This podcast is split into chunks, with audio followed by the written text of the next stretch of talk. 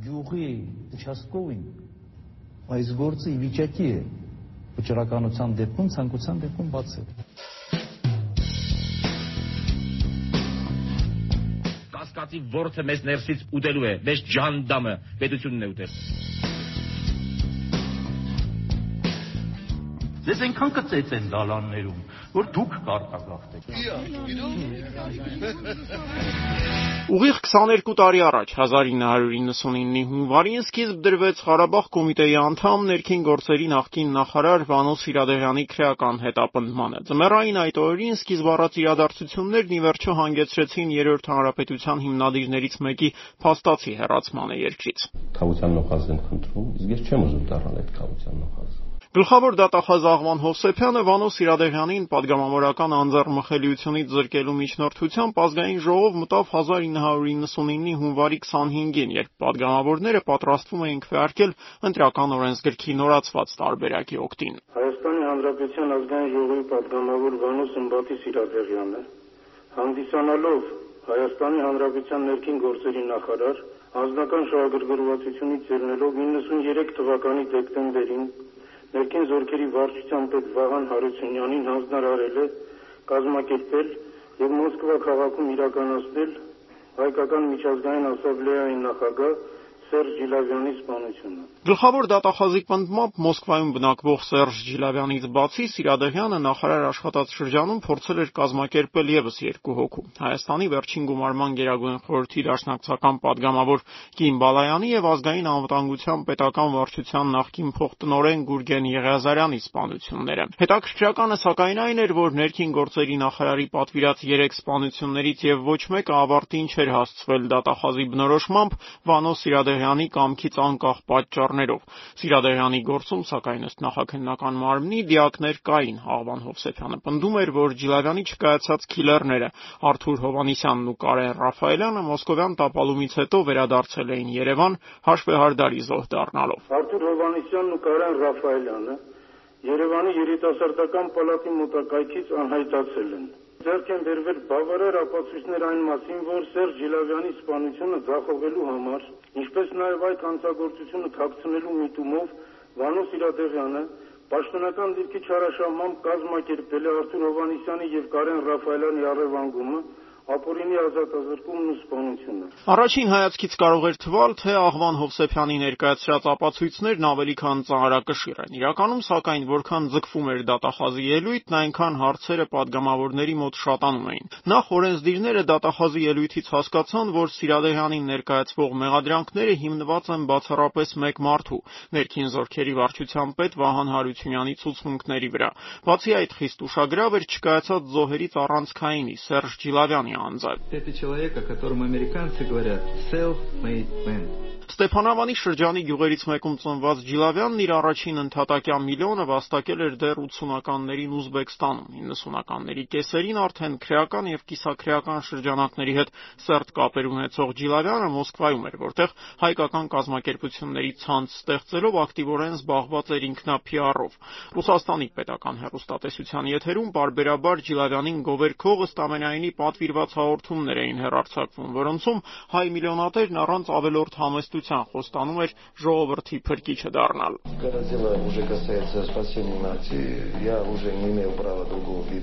Բայց եթե Ջիլավյանի ով լինելու հետ ամեն ինչ པարզեր դեռ 90-ականների կեսերին, ապա Սիրադեղյանի հանրային ընկալումն այդքան էլ միանշանակ չէր։ 80-ականների կեսերին նա իրավամբ համարվում էր ամենախոստումնալից ու տաղանդավոր հայ արձակագիրներից մեկը։ 88-ից հետո Սիրադեղյանը Ղարաբաղ կոմիտեի ամենաաչքի ընկնող 3-4 անդամներից մեկն էր։ Սիրադեղյանի անձի հետ կապված հիմնական դժգոհ գործողությունները վերաբերում էին նրա ներքին գործերի նախարար աշխատած ժամանակահատվածին՝ էքսցենտրիկ պահվածքից մինչև կենդանաբանական այգու հարևանությամբ կառուցված նրա առանձնատունը։ Մի բան, սակայն, որևէ մեկը շղթել չէր կարող Սիրադեղյանի օրոք, ոստիկանությունը կարողացավ շեշտակիորեն նվազեցնել թե փողոցային, թե կազմակերպված հանցավորության ծավալները երկրում։ 92-93 թվականին փողոց դուրս գալ հնարավոր չէր։ Կատարում էր ամեն տեսակ սպանություններ, հանցագործություններ, ինքը լրիվ մաքրեց փողոցները դրանցից։ Այս ամենը հաշվի առնելով, որոնք էին այն պատճառները, որ կարող էին դրթել երկրի ամենաազդեցիկ իրավապահ կառույցի ղեկավարին պատվիրել Սերժ Ջիլավյանի, ինչպես նաև Կիմ Բալայանի եւ Գուրգեն Եղիազարյանի սպանությունները։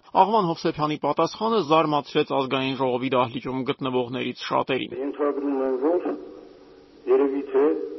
Պարոն Սիրադարյանը ելույթ կունում է եւ ինքն էլ այդ հարցի պատասխանը կտա։ Մի հարցում Աղվան Հովսեփյանը չէր սխալվում։ Վանո Սիրադարյանն այդ օրը իրոք մտեցավ ամբիոնին։ Նա սակայն դատախազի սպասելիքները չարթարացրեց եւ իրավական թեմաներով բանավեճերի դաշտ մտնելու փոխարեն հանդես եկավ իր ողջ քաղաքական կարիերայի ամենահիշվող ելույթներից մեկով։ Նախկին ներքին գործերի նախարարն այդ ելույթով փորձում էր բացահայտել իր անձի շուրջ ծավալված զարգացումների պատճառահետևանքային կապը, համոզմունք հայտնելով, որ ամեն ինչ սկսվեց այն պահին, երբ իր բնորոշմամբ Ղարաբաղի քաղաքական էլիտան սկսեց տեղափոխվել Հայաստան։ Ինչու է պետք իշխանությունը զարթել Հայաստանում։ Պետք է, որովհետև իրենք չեն հավատում Ղարաբաղի հարցի կարգավորմանը։ Ավելի, իրենց հարկավոր չէր խաղաղ կարգավորումը, որովհետև Ղարաբաղի քաղաքական էլիտան բնականաբար պիտի տեղ չունենար խաղաղ միջոցներով կարգավորված Ղարաբաղում։ Ազգային ժողովի ամբիոնից հնչեցրած այդ ելույթում Սիրադեղյանը պնդում էր, որ իշխանության այսպես կոչված Ղարաբաղյան թևն արդեն 98-ի փետրվարյան հեղաշրջման ժամանակ միջոցների արչև որևէ խտրականություն չէր դնում։ Նախագահային եւ պաշտպանության նախարարից սպառնացին, որ պատանդ կպահեն մեր զորակոչիկների Ղարաբաղում եւ նախագահը հրաժարական տվեց։ Հետը հասավ Դեմիրճյանին։ Դեմիրճյանը իրեն անհասկանալի ուժի առաջ իր տեղը զիջեց Քոչարյանին։ Ամրապնդվել, ամայացնել փորձելով եղած չեղած քաղաքական դաշտը Հայաստանում։ Ամեն քայլով փորձելով նսեմացնել Հայաստանի գործիչների կառույցների դերը այս պատերազմում։ Մոնտեի եւ Արթուր Մկրտչյանի սպանություններից հետո, մեր նորակոչիկ երեխաների խոշտանգումներից եւ խաղաղ ժամանակ գնդակահարություններից հետո, ինչպիսի անխոցելի լկտիություն պետք է ունենալ Հայաստանում դատավորի դեր ստանձնելու օրենքի անունից խոսելու համար։ Այսպես չեն գնում ոչ դեպի խաղաղություն, ոչ դեպի պատերազմ, այսպես գնում են դեպի ոչինչ։ Պատգամավորների մի մասի մոտ, սակայն այս ամենից հետո տրամաբանական հարց ցակեց, եթե ամեն ինչ այդքան վատ էր, ինչու էր Սիրադեղյանի ղեկավարած հայոց համազգային շարժումը 98-ի նախագահական ընտրությունների ժամանակ իր գործողություններով աջակցում Քոչարյանի ընտրությանը։ Մեծ գալատ եմ արել, շատ մեծ գալատ ճակատագրական սխալ է։ Սիրադեղյանի այս ելույթը պայթող ռումբի էֆեկտ ունեցավ։ Որևէ մեկը դեռ երբեք այդքան բացահայտորեն չէր խոսել ոչ 98-ի իշխանափոխությանն ուղեկցած ստվերային process-ների, ոչ Ստեփանակերտից Երևան տեղափոխված գործիչների դերակատարության եւ ինչը թերևս ամենակարևորն է, իշխանության ներսում արկա փաստացի երկփեղկվածության մասին։ Իսկ 99-ի հունվարին այդ պարակտումը Հայաստանի քաղաքական դաշտին բնորոշ ամենավառ առանձնահատկությունն էր։ Լևոն Տեր-Պետրոսյանի հրաժարականից ուղիղ 1 տարի անց իշխանությունը Հայաստանում բաժանված էր առաջին նախագահային հրաժարական պարտադրած երկու գրեթե հավասարազոր ազդեցություն ունեցող ուժերի միջև՝ մի կողմում նախագահ Քոչարյանն էր եւ նրա շուրջ կենտրոնացած ուժերը՝ նախկինում Ղարաբաղում բարձր պաշտոններ զբաղեցրած գործիչները, իրավապահ համակարգն, ինչպես նաեւ մի շարք կուսակցություններ, որոնցից ամենաազդեցիկը Դաշնակցությունն էր։ Իշխանական մյուս թևի առաջնորդը Վազգեն Սարգսյանն էր, որի գլխավոր հենարաններն էին բանակը եւ խորհրդարանական մեծամասնություն հանդիսացող Երկրապահ պատգամավորական խումբը։ Եվ հենց երկրապահն էր, որ գործնականում պետք է որոշեր կալանավորվելու է Վանո Սիրադեղյանը թե ոչ։ Ընտրությունը, որին առերեսվում են երկրապահները, բացարձակապես նախանձելի չէր։ Քվեարկելով Սիրադեղյանի կալանավորման օկտին, երկրապահներն անուղղակիորեն կընդունեին, որ տեսականորեն մի օր նույն ճակատագրին կարող է արժանանալ նաև Վազգեն Սարգսյանը։ Նա ի վերջո Տեր-Պետրոսյանի նախագահության տարիներին երկրում առնվազն նույն ազդեցությունն ու դիրքն ուներ, ինչ Վանո Սիրադեղյանը։ Ըստ այդմ որևէ մեկը չէր կարող երաշխավորել, որ մի օր էլ Քոչարյանի թիմակից ծնունդով ապարանցի, բայց երկար տարիներ Լեռնային Ղարաբաղի ինքնավար մարզի դատախազությունում աշխատած Աղվան Հովսեփյանը նույնատիպ քրեական մի գործ չի հարուցի պաշտպանության նախարարի դեմ։ Դե իսկ Սիրադեյանի կալանավորմանը դեմ արտահայտվելու դեպքում երկրապահները մեկ այլ առաջին հերթին քարոզչական հարվածի տակ էին հայտնվում։ Հնարավորություն տալով խորհրդարանական ընտրություններից ընդամենը 4 ամիս առաջ իշխանության նախագահական թևին մեղադրել իրենց հանցագործներին հովանավորելու մեջ։ Սիրադեյանի հարցով քվեարկությունից առաջ, սակայն երկրապահ падգամավորների խնդրին գոնե հրապարակայնորեն որևէ հստակ հրահանգ չտրվեց։ Բայց որևէ մեկը չէր կարող երաշխավորել, որ քվեարկությանը նախորդած ժամերին դատախազությունը կամ նախագահի աշխատակազմը падգամավորների խղճի վրա ազդելու լծակներ չեն գտնի։ Այդ անորոշությունն ու փոխադարձ անվստահությունն էին պատճառը, որ Վանո Սիրադեյանին անձեռմխելիությունից զրկելու հարցով քվեարկությունը, որ նշանակված էր 99-ի հունվարի 26-ին, ընթանում էր մի մթնոլորտում, որն ազգային ժողովի համար կարելի էր առանց չափազանցության կառավարության աննախադեպ համարել։ Ազգային ժողովը փակ գաղտնիք վերարկությամբ դահլիճում նկարահանող որևէ սարքի արգելման եւ լրացուցիչ լուսավորությունն անջատելու պայմաններում 56 կողմ 65 դեմ ձայնով մերժեց հանրապետության գլխավոր դատախազի միջնորդությունը համաձայնություն տալ ազգային ժողովի падգամավոր Վանո Սիրադեղյանին դատական կարգով քրեական պատասխանատվության ենթարկելու եւ նրան կալանավորելու համար։ Ազատության 1999-ի հունվարի 26-ի եթերում Ազգային ժողովում կայացած քվեարկության մասին պատմում էր Ռուզան Խաչատրյանը։ Նշեմ ի դեպ, որ քվեարկությունից առաջ էլ բուրըն քննարկումները խորհրդանում շարունակվում էին։ Վանո Սիրադեղյանն այդ օրը մեկ անգամ եւս մոտեցավ ամբիոնին, սակայն այդ անգամ գերադասեց զերծ մնալ քաղաքական գնահատականներից, խոսելով արդեն խնդրի իրավական կողմին, մասնավորաբար իր դեմ ցուցմունքներով հանդես եկած միակ մարդու Վահան Հարությունյանի մասին։ Շատ մոզիկ ընկերական հարաբերությունների մեջ էր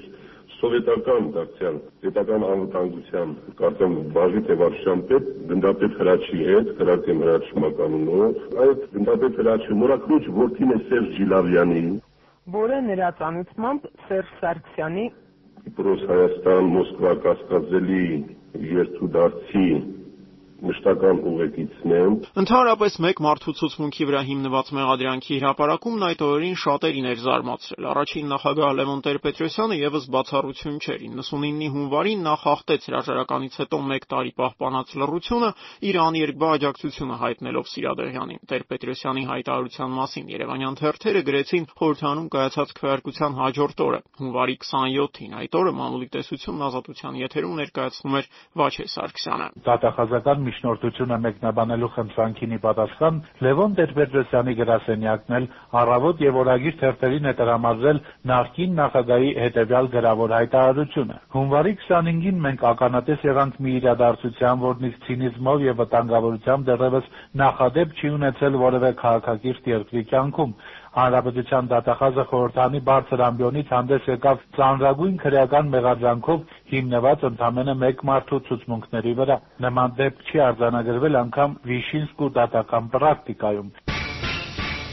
Նույն կապակցությամբ Գրողների միության նախագահ Հրանտ Մաթևոսյանը ասել է. Վանոյին կկալանեն կամ չեն կալանի, կդատապարտեն կամ չեն դատապարտի, միևնույն է, միջակություններս ասպարեզից հսկա ենք հեռացնում եւ ինչ տիպուկ հարվածներով եւ ազգը ծվատելու եղանակի ինչ եզակի ընտրությամբ, թշնամին անգամ այսքան դիպուկ չէր լինի։ Վատ է, պարոնայք, շատ վատ է։ Հրանտ Մաթևոսյանի այս հարցազրույցից բացի Գրողների միությունը հանդես եկավ նաեւ բացնամակով կոչանելով երկրի բարձրագույն իշխանությանը հրաժարվել Վանո Սիրադեղյանին կալանավորելու մտադրությունից, բայց նամակի հրապարակման հաջորդ օրը պարզ դարձավ։ Գրողների միության անդամներից առնվազն մեկը Սիրադեղյանին պաշտպանելու որևէ ցանկություն չունի։ Անաստեղծուհի Սիլվա Կապուտիկյանը խորապես վրդովված է Գրողների միության նախագահ Հրանտ Մաթևոսյանի եւ շակերտներում միության համարյա բոլոր անդամների բաց նամակով ի պաշտպանություն Վանո Սիրադեղյանի։ Ես անհրաժեշտ չեմ համարում այս համառոտ հայտարարության մեջ անդրադառնալ Սիրադեղյանի անձին, քանի որ այս է 10 տարի գրում եմ նրա դեմ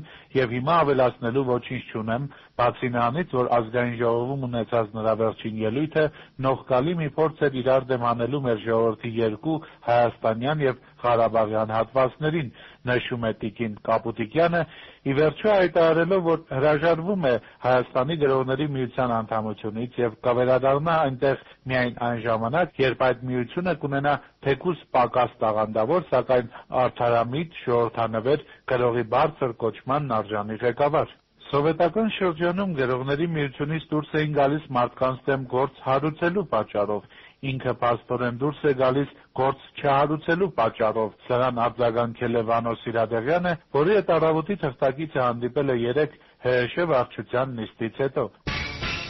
Եվ մինչ Հրանտ Մաթևոսյանն ու Սիլվա Կապուտիկյանը վիճում էին արդյոք Վանո Սիրադեղյանն արժանի է պաշտպանության, թե ոչ, նախկին նախարարի ճակատագիրը մեկ այլ գրողի պաշտպանության նախարար Վազգեն Սարգսյանի ձեռքում էր։ Վանոն իմ ընկերն է ինչպես որ իմ ընկերները Լևոնը, Ռոբերտը, Սերժը, Սամվելը, Բաբկենը, մյուսները։ Վազգեն Սարգսյանն իր ընկերների այս ցանկը հրապարակեց 99-ի հունվարի 30-ին Հանրապետական կուսակցության համագումարի ամբիոնից։ Պաշտպանության նախարարի ելույթի պահին, սակայն Վանո Սիրադեղյանն արդեն Հայաստանում չէր։ Համառորեն պտտվող լուրերի համաձայն ի դեպ համագումարի մեկնարկից հաշված ժամեր առաջ երկրից հեռանալ նրան օգնել էր հենց Վազգեն Սարգսյանը։ Ամբողջ քաղաքը խոսում է այն մասին, որ երեք երեկոյան Վանո Սիրադեղյանը Հայաստանից մեկնել է։ Լուրերը սկսեցին տարածվել առավոտից։ Հայ լուրով հայտնեցին, որ սահմանապահ ծառայությունների ղեկավարների հետ զրույցում պարզվել է, որ Վանո Սիրադեղյանի անունը մեկնողների ցուցակում վերջինն է և ավելացված է ձեռագրով։ Օդանավակայանից ինձ էլ հայտնեցին, որ Երևան-Դուբայ հայկական ավիաուղիների հունվարի 29-ի չվերթով ժամը 19-ի սահմաններում Վանո Սիրադեղյանը մենակ առանց ընտանիքի անդամների մեկնել է Դուբայ։ Վանո Սիրադեղյանի երկիրը լքելու մասին Ազատության 1999 թվականի հունվարի 30-ի եթերում պատմում էր Հրաչ Մելքումյանը։ Հաջորդ օրերին իշխանության նախագահական թևը, նաև դաշնակցական եւ ռուսալեզու մամուլը միմյանց հերթ չտալով նույն թեզն էին կրկնում. եթե Սիրադեղյանը փախել է երկրից, ուրեմն մեղավոր է։ ՀՀՇ առաջնորդի մերձավոր շրջապատը սակայն խոսում էր Սիրադեղյանի մոտ վերջին իրադարձությունների ֆոնին ծագած առողջական խնդիրների եւ արտերկրում բուժվելու անհրաժեշտության մասին ՀՀՇ փոխնախագահ Անդրանիկ Հովակիմյան։ Ամբողջ այդ պետական մեքենան աշխատացնում են այդ մարդուն ուղղակի ինֆարկտի են դռանը հասցնելու համար։ Հետադարձ հայացքով սակայն Սիրադեղյանի այս քայլն ըստ ամենայնի օրինաչափ էր։ Հունվարի վերջին օրերին Վանո Սիրադեղյանը հասկացել էր Քոչարյանն ու նրա թիմակիցները իրենից կոպիտ ասած ձեռք քաշել չեն պատրաստվում։ Դա ամենայն հստակությամբ երևաց Սիրադեղյանի Դուբայ մեկնելուց հաշված ժամեր առաջ, երբ Երևանում մեծ ասուլիս հրավիրեց գլխավոր դատախազ Աղվան Հովսեփյանը։ Նա այս ասուլիսի ընթացքում իդեպ իրեն անհամեմատ ավելի վստահ էր զգում, քան խորհրդանում լրատվամիջոցների ներկայացուցիչներին նա խոստացավ, որ արդեն առաջիկա օրերին կրկին կգնա ազգային ժողով Սիրադեղյանին անձեռնմխելիությունից զրկելու նոր միջնորդությամբ։ Ոնց որ այն հաղթանակին նվիրված երկ կա, հիշում եք, ասում է, это день мы приближали как могли։ Լրագրողների հարցերի մի զգալի մասն ի դեպ վերաբերում էր դատախազի միջնորդության ամենաթույլ կետին Սիրադեղյանին ներկայացվող մեղադրանքները մեկ մարդու ցուցմունքների հիման վրա կառուցված լինելուն։ Այս մի հարցը գլխավոր դատախազին ակնհայտորեն հունից հանում էր, ստիպելով նրան դեպքեր հիշել սեփական քննչական պրակտիկայից։ Ասենք բռնաբարության գործերով եթե կա բնական այնտեղ մի քանի հոգի չեն եղել, հա, հիմնականում երկու հոգի են։ Կա աղջկա ցուցմունքը այս բռնաբարողի վերաբերյալ։ Ինչ ասում ենք, մի ցուցմունքա չպետք է դատենք Այդքան ոնքի տանենք ընդ կողքը կանգնացնենք։ Ակնկալվում էր, որ գլխավոր դատախազը նոր միջնորդությամբ խորհրդարան կգա արդեն փետրվարի սկզբին։ Աղվան Հովսեփյանի ասուլիսից հաշված օրեր անց, սակայն տեղի ունեցավ մի իրադարձություն, որը կտրուկ կերպով սրեց առանց այդ էլ լարված ներիշխանական հակասությունները։ Մի պահ Սիրադեղյանի գործը մղելով երկրորդ պլան։ 1999 թվականի փետրվարի 9-ին տեղի ունեցավ երրորդ հանրապետության ամենաառեղծվածային մահափորձերից մեկը, որի զոհը դարձավ Վազգեն Սարգսյանի մերձավոր թիմակիցներից մեկը։ Արդեն մեկ օր է անցել, ինչ նոր հաճնի ճանապարհին հարող ամայի տարածքում հայտնաբերվեց ներքին գործերի եւ ազգային անվտանգության փոխնախարար, ներքին զորքերի հրամանատար Արծրուն Մարգարյանի դիակը։ Սպանություն բառը մտածված չեմ օգտագործում, որովհետև դատախազությունում չեն բացառում նաև ինքնասպանության վարկածը։ Գնդակը դոշին է կպել, կրծքավանդակի նախապած, ուսը գլխին սպանվել է, ինքնասպան է եղել, դա նախաքննությունը կբարձի։ Բայց ինչպես կարող էր երկու կրակոցից ինքնասպան լինել։ Իսկ ինչպես չէր կարող։ Ազատության 1999 թվականի փետրվարի 10-ի եթերում գլխավոր դատախազության մամուլի քարտուղար Գուրգեն Ամբարյանի հետ զրուցել էր Հրաչ Մելքումյանը։ Բանակային հրամանատարությունը Ղարաբաղյան պատերազմն անցած մարտական գեներալի երկու կրակոցով ինքնասպանության վարկածն ընկալեց որպես բացահայտ ծաղր։ Նորանկախ Հայաստանի պատմության մեջ առաջին անգամ ուժային մի կառույցը բանակը վերջնագիր էր ներկայացնում մեկ այլ ուժային կառույցի ներքին գործերի եւ ազգային անվտանգության նախարարությանը պահանջելով թե Արծրուն Մարգարյանի եւ թե դրանից մարտից երկու ամիս առաջ սպանված պաշտպանության փոխնախարար Վահրամ Խորխորուն ու գործերի շուտ ափույթ եւ ինչն ամենակարևորն է ողջամիտ հետաքննություն իրականացնել։ Նման նյարդային իրավիճակում, երբ Վազգեն Սարգսյանի մերձավորների շարքերն աչքի առաջ Նոսրանում էին, ոմանք համոզված էին Աղվան Հովսեփյանը գերադասի Սիրադեյանի հարցով մեկ անգամ եւս ազգային ժողով չգալ, առավել եւս որ աղմուկահարույց սպանության հաջորդ օրը տեղեկությունների հայտ եկան, որոնց համաձայն ուղակի կապեր նշмарվում Արծրուն Մարգարյանի եւ դատախազության կողմից Սիրադեյանի գործով իրականացվող քննչական գործողությունների միջև։ Օրագրի լրատվությամբ նախկին փոխնախարար Վահան Հարությունյանը, որի ցուցմունքների հիման վրա գլխավոր դատախազը միջնորդություն ներկայացրեց ազգային ժողովին, ասել է, թե Վանո Սիրադեղյանի դեմ այդ ցուցմունքները կարող է հաստատել Արսրուն Մարգարյանը։ Այս կապակցությամբ վերջինս մի քանի անգամ դատախազություն է կանչվել Նրան առաջարկվել է հաստատել Վահան Հարությունյանի ցուցմունքները։ Արսուն Մարգարյանը ծանոթացել է այդ ցուցմունքներին եւ հրաժարվել է հաստատել դրանք, պատճառաբանելով, որ իրականությանը չեն համապատասխանում։ Մամուլում հայտնված այս տեղեկությունը ել ավելի թեժացրեց մտնոլորտը, չնայած դրան Արսուն Մարգարյանի սպանությունից ընդամենը մի քանի օր անց Ռոբերտ Քոչարյանը գերադասեց ել ավելի սրել իրավիճակը։ Փետրվարի կեսերին երկրի նախագահը ազգային ժողովին փաստացի վերջնագիր ներկայացրեց. Կամ падգամավորները կողմ են քվեարկում դատախազի երկրորդ միջնորդությանը կամ էլ ազգային ժողովը լուծարվում է։ Քոչարյանի այս հայտարարությունից մոտ 48 ժամ անց արդեն փետրվարի 17-ին Աղվան Հովսեփյանը խորհրդարանում էր։ Այդ օրը ազգային ժողովում աշխատում էր Ռուզան Խաչատրյանը։ Ի տարբերություն հանրապետության գլխավոր դատախազի առաջին մուտքի, այսօր խորհրդարանի դահլիճում եւ միջանցքներում մարդկանց դեմքերը ձգված չէին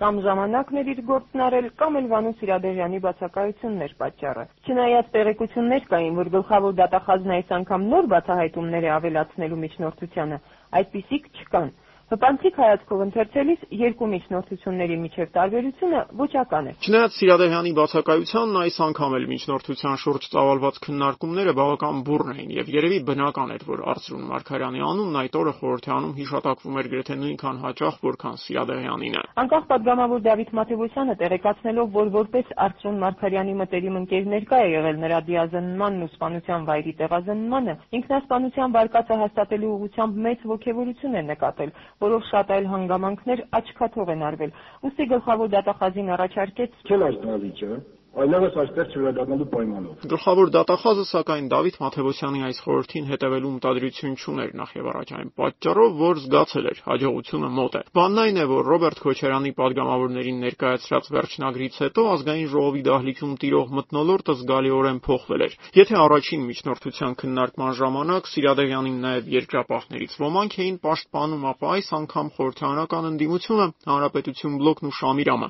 միայնակ էին։ Քվեարկության գրեթե կանխորոշ որոշված արդյունքի վրա ազդելու վերջին հուսահատ փորձն արեց Ղարաբաղ կոմիտեի անդամ եւ ազգային ժողովի նախկին խոսնակ Բաբկեն Արարքցյանը։ Եկեք ընդունենք պարոն Ռոբերտ Քոչարյանի վերջնագիրը։ Քվեարկենք դեմ այս միջնորդությանը։ Թող խորհրդարանը լուծարվի, բոլորս զրկվենք այդ պատգամավորական անձեռնմխելիության իրավունքից։ Մեզանից մի մասը կկալանավորվի անմիջապես կձերբակալվի եւ այլ։ Մենք կգնանք մեզ համար մեր բանտերը, մյուսները 40 օրվա ընթացքում կնշանակվեն падգամավոր կամ այլ պաշտոնների։ Սիրադեյանին падգամավորական անձեռնմխելիությունից զրկելու հարցով քվեարկությունը կայացավ 1999 թվականի փետրվարի 17-ի ուշ երեկոյան։ Դատախազի միջնորդության օկտին քվեարկեցին 190 հոգանոց խորհրդանի անդամների կեսից քիչ ավելին 102-ը։ Տասնյակ падգամավորներ գերադասեցին կամ չմասնակցել քվեարկությանը կամ էլ ընդհանրապես այդ օրը խորհրդարան չգալ։ Ու չնայած քվեարկության ոչ այնքան տպավորիչ արդյունքներին Քոչարյանի եւ գլխավոր դատախազի համար սա հաղթանակ էր ոչ միայն Վանո Սիրադեղյանի, այլև Վազգեն Սարգսյանի նկատմամբ։ Առավոտ թերթի որակմամբ երեք ազգային ժողովում դատախազի միջնորդությունը բավարարողները անցան նախագահի թրի տակով Եթե падգամավորները չբավարարեին դատախազի հերթական միջնորդությունը, փաստորեն դրանով իրենք իրենց լուծարած կլինեին կամ առավել ժամանակակից լեզվով ասած ինքնասպան եղած։ Դա տեղի չունեցավ, քանզի մեր падգամավորները գերադասեցին բնական մահը։ Հանուն արդարության, սակայն պետք է նշել, որ Վազգեն Սարգսյանի եւ երկրապահների համար քաղաքական ինքնասպանություն կլիներ դատախազի միջնորդությանը մեկ անգամ եւս դեմ քվեարկելը։ Ազգային ժողովի վաղաժամ լուծարումն առաջին հերթին հենց Վազգեն Սարգսյանին կհարված էր խառնելով նրա բոլոր քաղաքական պլանները։ Եթե ազգային ժողովը լուծարվեր եւ խորհրդարանական ընտրությունները կայանային նախատեսվածից երկու ամիս շուտ, Վազգեն Սարգսյանը ժամանակ չէր ունենա ոչ իր ձեռքի տակ եղած վարչական ռեսուրսն իմի բերելու, ոչ էլ Կարեն Դեմիրճյանի հետ միասնություն դաշինքի ստեղծումն ավարտին հասցնելու համար։ Այս ամենը հաշվի առնելով էր, որ Վանո Սիրադեղյանի եւ իր քաղաքական հավակնությունների միջև Վազգեն Սարգսյանը ընտրեց վերջինը։ Այլ հարց է, սակայն, որ Վանո Սիրադեղյանն ինքն էլ առաջիկա ընտրությունների հետ կապված հստակ պլաններ ուներ եւ հենց այդ պատճառով էր, որ 94-օրյա բացակայությունից հետո մայիսի սկզբին նա վերադարձավ Հայաստան։ Ազատության 1999 թվականի մայիսի 3-ի եթերում այդ մասին պատմում էր Արմեն Դուլյանը։ Այսօր մոտավորապես ժամը 3-ին Սոֆիայից Երևան ժամանած ինքնաթիռով Եղամտյա բացակայությունից հետո Հայաստան վերադարձավ ՀՀՇ-ի առաջնորդ Վանո Սիրադեղյանը։ Երևանի օթակայանում ինքնաթիռը կանգնեցրել են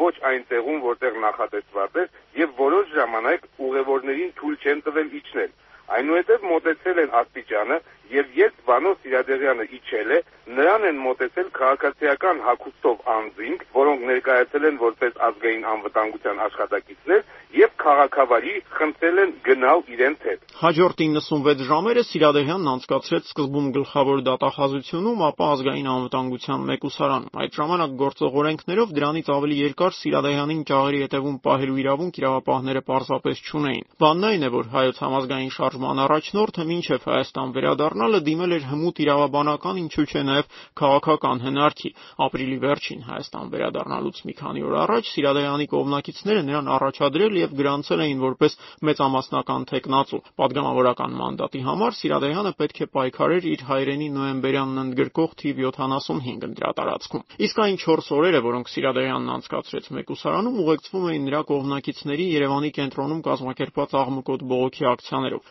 Ամիսներ շարունակ պաշտոնական մամուլի թիրախում գտնվող Սիրադեղյանին ցուցաբերված նման ջերմ ընդունելությունն իշխանությունների համար բավական անսպասելի էր։ Մայիսի 6-ին, երբ Սիրադեղյանը դեռ բանտում էր, նույնիսկ Ռոբերտ Քոչարյանը խոսեց այդ ակցիաների մասին, իրեն ոչ այնքան բնորոշ աստվածաշնչային համեմատությունների օգնությանը դիմելով։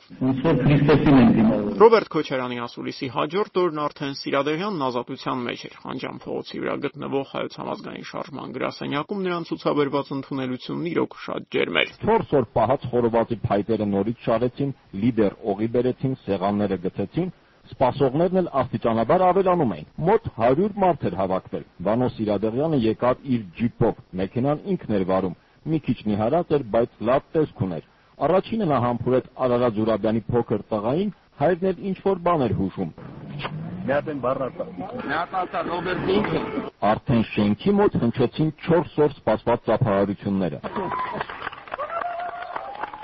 Վանո Սիրադեղյանին անընդհատ մոտենում էին շնորհավորում, մենք էլ հետևից ընկած փորձում էինք մի քանի հարց տալ, բայց նա ոչ մեկին չէր պատասխանում առանձնասենյակում նստեց աթոռին, ոնց որ հարմար չէր։ Խանջյան 27-ում կազմակերպված այս հավաքից մի քանի օր անց էլ Վանոս Սիրադեյանն ակտիվորեն ներգրավվեց Քարոզ արշավում։ Մեծամասնական ընտրատարածքը, որում նա պայքարում էր падգամավորական մանդատի համար, տարբերվում էր մյուս 74 տարածքներից։ Նոյեմբերյանի եւ Իջևանի շուրջ 3 տասնյակ գյուղերը ներառող եւ ավելի քան 30000 ընտրող ունեցող թիվ 75 ընտրատարածքը միակն էր, որտեղ տեխնատուների նախընտրական շտաբերից բացի նաեւ մեկ հակաշտաբ էր գործ գործում։ Մամուլի հրապարակումների համաձայն իշխանության քոչարյանական թևը Սերժ Սարգսյանի տեղակալ Հովանես Հունանյանին գործուղել էր Տավուշ Վանո Սիրադեղյանի ընտրությունը կանխելու համար։ Ազատության 1999-ի մայիսի 24-ի եթերում Սիրադեղյանի հայրենի Կոթի գյուղից հաղորդում էր Անուշ Դաշտենցը։ Քարոզարշավի ողջ ընթացքը ցույց է տվել, որ մերօրյա քաղաքական գործչի իմիջը կարծես թե լրջորեն շահում է ոտքերի տակ մորթվող անասունների գլխականակից։ Այս առումով բացառություն չէր Վանո Սիրադեղյանը եւս Կոթիում կողմ Կողբում, Բագրատաշենում եւ այլուր զուռնանուդհոլը ուղեկցվում էր ոչխարների մորթով։ Սրան հաջորդում էին ընտրաելույթները։ Եթե Վանո Սիրադեղյանի ելույթները իսպառ քաղաքականացված չէին, ապա նույն բանը չէր ասվի նրա համախոհների ու նախընտրական շտաբի որոշ անդամների ելույթների առումով։ Վանո Սիրադեղյանի Երևանաբնակ համագյուղացի Էրնեստ Խանոմյան։ Մենք եւ նոեմբերանցիներս եւ հատկապես կոթի գեղացիներս մեր ճուտը երբեք ձերուն չենք տա ով էլ ուզմա լինի այդ մարդը, ինչքան էլ ուզմա հերոս լինի, հերրիս թամաշանող, կռի ղրգող, մարդիկ շատ հավաքագրի, փողեր տան, չգիտեմ ինչեր անեն ու իրանք մեջտեղ է ուտել խմելով մանկան, նրանք մեր պետությունը, մեր ժողովրդի ճակատագիրը որոշելու դեռևս իրավունք չեն վաստակել։ Ըստ Էրնեստ Խանոմյանի այդ իրավունքը վաստակել են այն մարդիկ, որոնք այսօր մեր ժողովրդին վերջնականապես ուզում են պատերազմի խաղից դուրս բերել։ Իդեպ Հայաստանի արչև ծառացած գլխավոր այդ հարցին պատերազմից խուսափելուն եւ խաղաղության հաստատմանը ընտրություններին մասնակցող կուսակցությունները, առավել եւս մեծամասնական տեխնացուները 99-ին գրեթե չէին անդրադառնում։ Միակ բացառությունը կրկին Սիրադայանն էր։ Ոչ ոք չի խոսում բուն հարցի մասին, Արցախի հարցի մասին կարծես Մահամերդի սցենարի մոտ լինեն։ Այնինչ գլխավոր հարցը նույնն է պատերազմի եւ խաղաղության հարցն է։ Այնինչ նախընտրականից ամբողջ շրջանում հիմնական լոզունգը բոլոր կուսակցությունների կարծես մեկն է՝ մահ կամ ազատություն։ Մահ կամ ազատությունը կարող է անհատի լոզունգ լինել, բայց չի կարելի որ ժողովուրդ այդպիսի լոզունգ ունենա։ Սովորաբար այն ժողովուրդները, որոնք գնում են այդ լոզունգով, մեր ժողովրդի պատմական փորձը ցույց է տալիս, ստանում են միայն մահ ազատությունը բաժին է հասնում սովորաբար կարգախոսի հեղինակներին։ Մայիսի 30-ին կայացած քվեարկության արդյունքները եկան վկայելու Քարոզ արշավի ընթացքում Վանո Սիրադարյանի հնչեցրած ուղերձները տեղ են հասել։ Ներքին գործերի նախկին նախարարը Տավուշում համոզիչ հաղթանակ տարավ մուտք գործելով նաև երկրորդ գումարման ազգային ժողով։ Վանո Սիրադարյանի հաղթանակին չխանգարեց անգամ դատախազության կողմից նրա դեմ բացված իրավական երկրորդ ճակատը։ Ընտրություններից ընդամենը 6 օր առաջ, մայիսի 24-ին, Երևանի առաջին ատյանի դատարանում ընթերցվեց Արմեն Տեր-Սահակյանի հանցախ խմբի գործով մեղադրական եզրակացությունը, որում դատախազությունը կրկին առանցքային դերակատարություն էր վերապահել Վանո Սիրադեղյանին։ Մեղադրողները պնդում էին, թե նախկին ներքին գործերի նախարարը առնչություն ունի նաև երկաթուղիների վարչության ղեկավար Համբարձում Ղանդիլյանի, աշտարակի գործկոմի ղեկավարի մի քանի այլ անձանց 90-ականների կեսերին տեղի ունեցած սպանություններին։ Արմեն Տեր-Սահակյանի փաստաբանը սակայն լրատվամիջոցներին տեղեկացրել էր, որ իր պաշտպանյալից Վանո Սիրադեղյանի մասին հիշատակումները դատախազությանը հաջողվել էր կորզել ամիսներ շարունակ շարունակված հարցաքննություններից հետո, այն ժամանակ, երբ Հայոց համազգային շարժման առաջնորդը արդեն Հայաստանում չէր։ Նախաքննությունը շարունակվում էր նաև ամռան ամիսներին, իսկ սեպտեմբերի 9-ին Վանո Սիրադեղյանը վերջապես կանգնեց դատարանի առջև։ Սիրադեղյանի գործով դատական առաջին նիստին ներկա էր Աննա Սաղաբալյանը։ Կալանքի տակ գտնվող 11 ամբաստանյալներ, այդ թվում եւ Վահան Հարությունյանը, ճաղերի հետևում նստեցին։ 12-րդը Վանո Սիրադեղյանն էր, որ դահլիճ մտավ իր փաստաբանների հետ ու քանի որ կալանքի տակ չէ, նստեց հենց նրանց կողքին։ Նախ ամբաստանյալներից յուրաքանչյուրը պատասխանեց իր կենսագրությանը վերաբերող հարցերին։ Վանո Սիրադեղյանը գոնե առաջին տպավորությամբ հանգիստ էր, հավասարակշռված ծննդյան վայրի, տարեթվի եւ այդ կարգի մի քանի հարցերի օրենքի պահանջով ոտքի կանգնած պատասխանեց։ Դատված եղել եք թե ոչ հարցինի պատասխան ասաց թե կալանքի տակ է եղել 1988-89-ին Մոսկվայում, բայց դատված չէ։ Ֆիզիկապես առողջ եք հարցին մի փոքր մտածելուց հետո պատասխանեց նորմալ։ 99-ի աշնանը Հանրապետությունն աստիճանաբար մտնում էր հունի մեջ։ Իշխանական ուժերի դասավորությունը, երբ Ռոբերտ Քոչարյանի լիազորությունները հավասարակշռված էին Վազգեն Սարգսյանի վարչապետությամբ, նախապայմաններ էր ստեղծում Սիրադեղյանի գործի քիչ թե շատ անաչառ քննության համար։ Հոկտեմբերի 27-ին, սակայն այդ փխրուն հավասարակշռությունը խախտվեց։ Իշխանական երկու թևերից մեկի փաստացի գլխատումը գրեթե ակնթարթորեն ազդեց նաև Վանո Սիրադեղյանի դատավարության ընթացքի վրա։ Դատախազության ներկայացրած մեղադրանքի իսկությունը քննելու փոխարեն դատարանն ավելի ու ավելի հաճախ էր ստիպված կենտրոնանալ Սիրադեղյանին կալանավորելու հարցի վրա։ Ընդամենը մի քանի ամսում մեղադրող կողմը Սիրադեղյանի կալանավորման պահանջով 3 միջնորդություն ներկայացրեց, որոնք սակայն մեկը մյուսի հետևից դատավորի կողմից մերժվեցին։ Բնական է, որ Քոչարյանն ու նրա թիմակիցները դա հանդուրժել չէին կարող, ուստի զարմանալի չէ էր, որ 2000 թվականի փետրվարին Երևանյան մամուլում տեղեկությունների հայտ եկան, որոնց համաձայն Բաղրամյան 26-ում Սիրադեղյանին կալանավորելու քաղաքական որոշումը արդեն իսկ կայացվել է։ Վազգեն Սարգսյանի բացակայության, նրա եղբոր Արամ Սարգսյանի կառավարության ամփորձության եւ քաղաքական թուլության պայմաններում հստակ էր Վանո Սիրադեղյանի կալանավորումը զուտ ժամանակի խնդիր է։ Դատավոր Ռազմիկ Թովմասյանը 2000 թվականի ապրիլի 3-ին ներկայացված 4-րդ միջնորդությունը, որը նախորդներից գրեթե չէր տարբերվում, այլևս մերժել չէր կարող կարող։ Դատարանը որոշեց հետևյալը.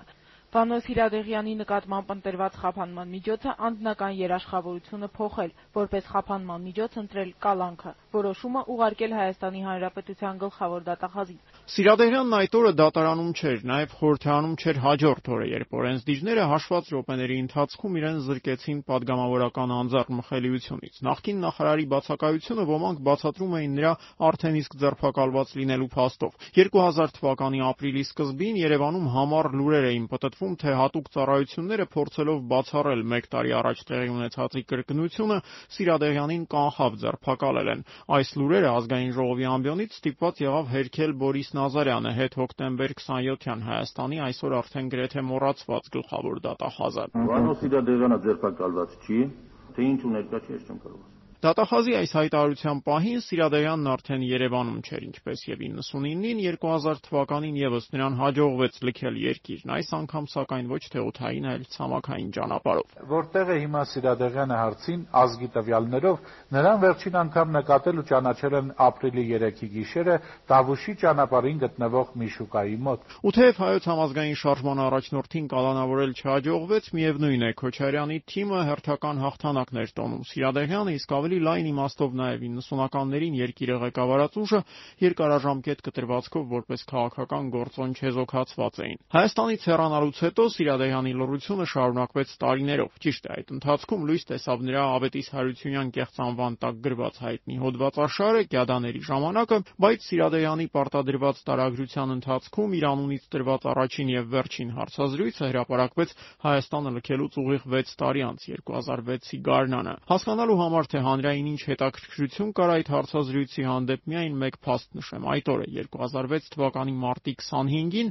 հայկական ժամանակի տպաքանակը հասավ 10000 օրինակի։ Ավելորդ է ասել, որ թերթի այդ օրվա համարը սպառվեց ընդամենը մի քանի րոպեում։ Պարոն Սիրադեղյան, եւ այնուամենայնիվ որտեղ եք գտնվում։ Եթե Հայաստանում չեն, ինչ տարբերություն որտեղ են։ Համենայն դեպս կարող եմ ասել, որ ԵԱՀԿ Մինսկի խումբը համանախագահող երեք երկրներից եւ ոչ մեկում գիտակցաբար մեր մեջ ասած հայկական ժամանակի հարցին պատասխանում է Վանո Սիրադեղյանը։ Արդեն 15 տարի է, ինչ Վանո Սիրադեղյանը լուր է եւ նրա գտնվելու վայրի մասին որևէ հստակ տեղեկություն չկա։ Ինչ վերաբերում է նրա դեմ հարուցված քրեական գործի առանցքային դերակատարներին, ապա նրանց ճակատագրերը շատ տարբեր կերպ են դասավորվել։ Սերժ Ջիլարյանն օրինակ մահացել է 2 տարի առաջ։ Կյանքի վերջին տարիներին բոլորի կողմից մոռացված նախկին միլիոնատերն ապրում էր Ստեփանավանի գյուղերից մեկում։ Նրա եկամուտի միակ աղբյուրը Ռուսաստանի կողմից վճարվող թոշակներ։ Աղվան Հովսեփյանը Ռոբերտ Քոչարյանի կողմից երկրորդ անգամ գլխավոր դատախազ նշանակվեց 2004-ին, պաշտոնավարելով շուրջ 10 տարի։ Դե իսկ Վահան Հարությունյանը, որի ցուցմունքների վրա էր հիմնականում կառուցված Սիրադայանին ներկայացված ծանրագույն մեղադրանքը, բանտում անցկացրեց ընդամենը 4 տարի։ 2002 թվականի ամռանը նա լքեց ազգային անվտանգության նախարարության քննչական մեկուսարանը դրանից կես 4 տարի անց 2003-ին Վահան Հարությունյանն արդեն Ռոբերտ Քոչարյանի Երևանում գործող նախընտրական ենթաշտաբերից մեկի ղեկավարն էր։ Գյուղի Չասկովին այս գործը ի վիճակի է վճռականության դեպքում, ցանկության դեպքում բացել։ Կասկածի ворթը մեզ ներսից ուտելու է, մեզ ջանդամը պետությունն է ուտել։ Ձեզ այնքան կծեց են դալաններում, որ դուք կարտագաղթեք։ Իա, իրոք։